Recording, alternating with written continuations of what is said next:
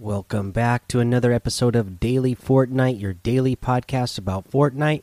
I'm your host, Mikey, aka Mike Daddy, aka Magnificent Mikey. So, a couple of things to get to today. We talked about they were doing that server maintenance, uh, the server maintenance last night. You know, all went to plan, so uh, it's all good, back up and running. Uh, let's see here what else we got today. They so due to an issue, we've temporarily disabled XP gain from foraged items. We'll provide an update when this is re-enabled. So right now, you don't get XP from foraged items, unfortunately. But at least they fixed this issue. Um, this issue has been resolved, and whirlpool whirlpools have returned.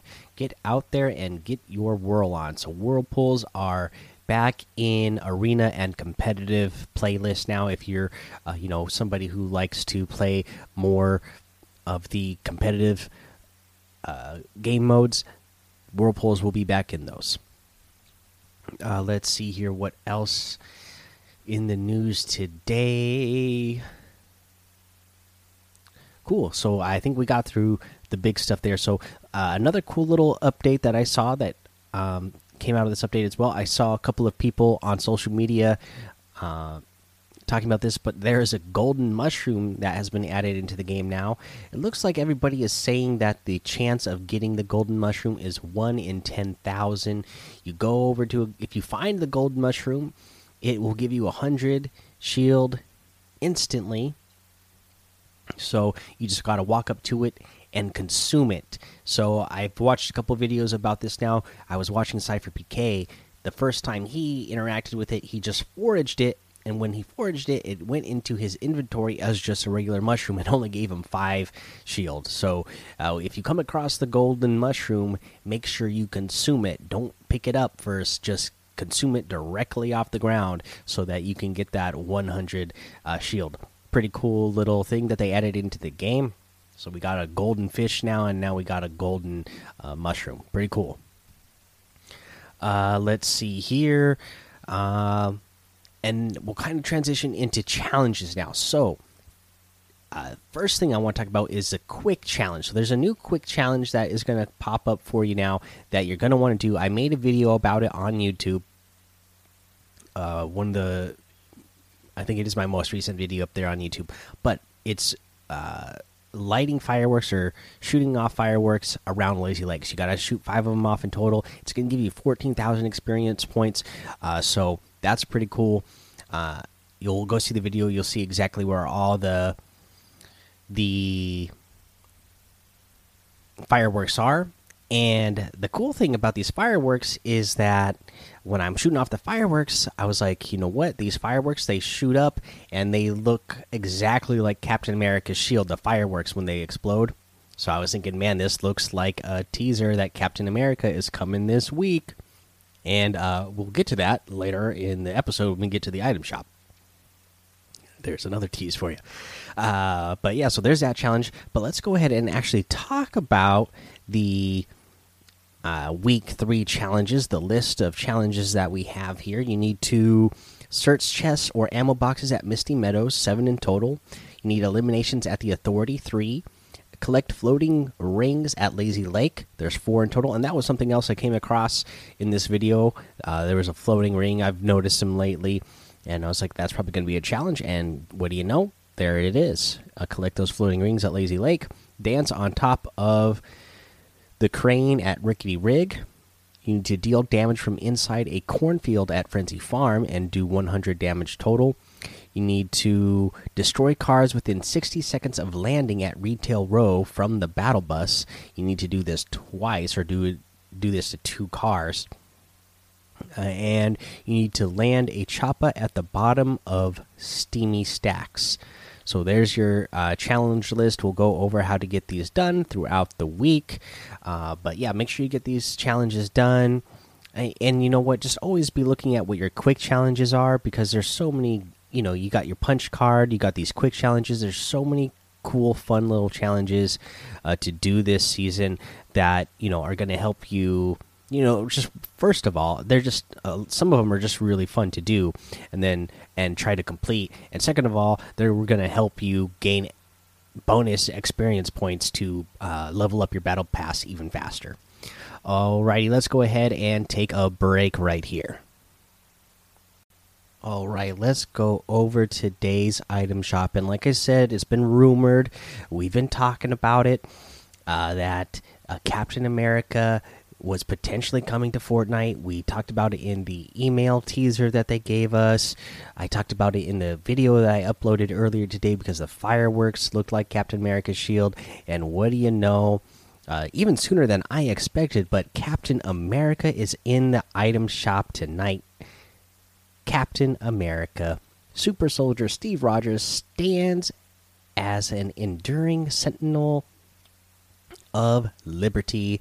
Comes with the uh, proto adamantium shield, uh, Captain America's shield as wait, Captain America's shield is as indestructible as his will, and let's see here. Oh, that's why it shows up twice in here. So it's not just a back bling. You can equip the proto adamantium shield as a back bling or use it as a pickaxe as a harvesting tool. That is absolutely awesome. So if you get the Captain America outfit, not only are you getting his shield as a back bling, but you can use it as a harvesting tool as well. That is so cool. Okay, 2000 V bucks for this. Ah, that is so cool. Oh wow, that's even cooler than I thought. Uh, let's see here. What else we got? So we also have a grand salute emote, a salute to all the heroes, and it is like the fireworks that I was talking about that you shoot off around Lazy Lake. Only these fireworks are continuous as long as you're doing the emote. You just kind of do a Captain America hero pose, a bunch of fireworks going off behind you, and uh, every once in a while one of them shoots off, and it's the Captain America shield. This is 300 V bucks. A salute to all the heroes really cool emote as well. Uh, for the rest of the item shop, good stuff in here as well. For the rest of the item shop, we have the Slurpentine outfit with the blue heart backbling for 1,500. I really like this. The Professor Slurpo outfit for with the Slurp Jet backbling for 1,500, and the Drip Axe harvesting tool for 800. Uh, we have the Starlie outfit with the Starlit backbling for 1,200 the Bionic Synapse Harvesting Tool for 500, the Finger Wag emote for 200, the Shadow Boxer emote for 200, the Star Power emote for 800, and the Desert Dominator outfit for 800. That's a great one. Uh, and then we still have Star Flare outfit with the Universal Bloom backbling in here for 1,500. The Burning Bright wrap for 500.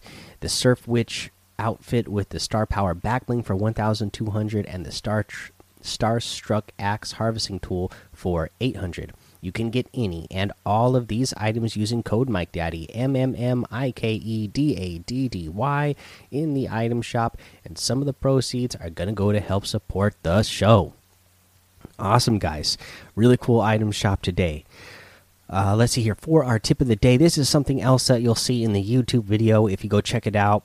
Uh, it's not the main thing, but a cool little thing that I was unsure of. I wasn't 100% sure, but confirmed it for 100% this morning. So we talked about the tip with the flare gun. You shoot it straight up in the air and it pings your enemies. So you'll see me do this in this video. Is the the the enemy that I'm shooting is behind a a wall and behind uh between a wall and a ramp. So I obviously cannot hit this player directly.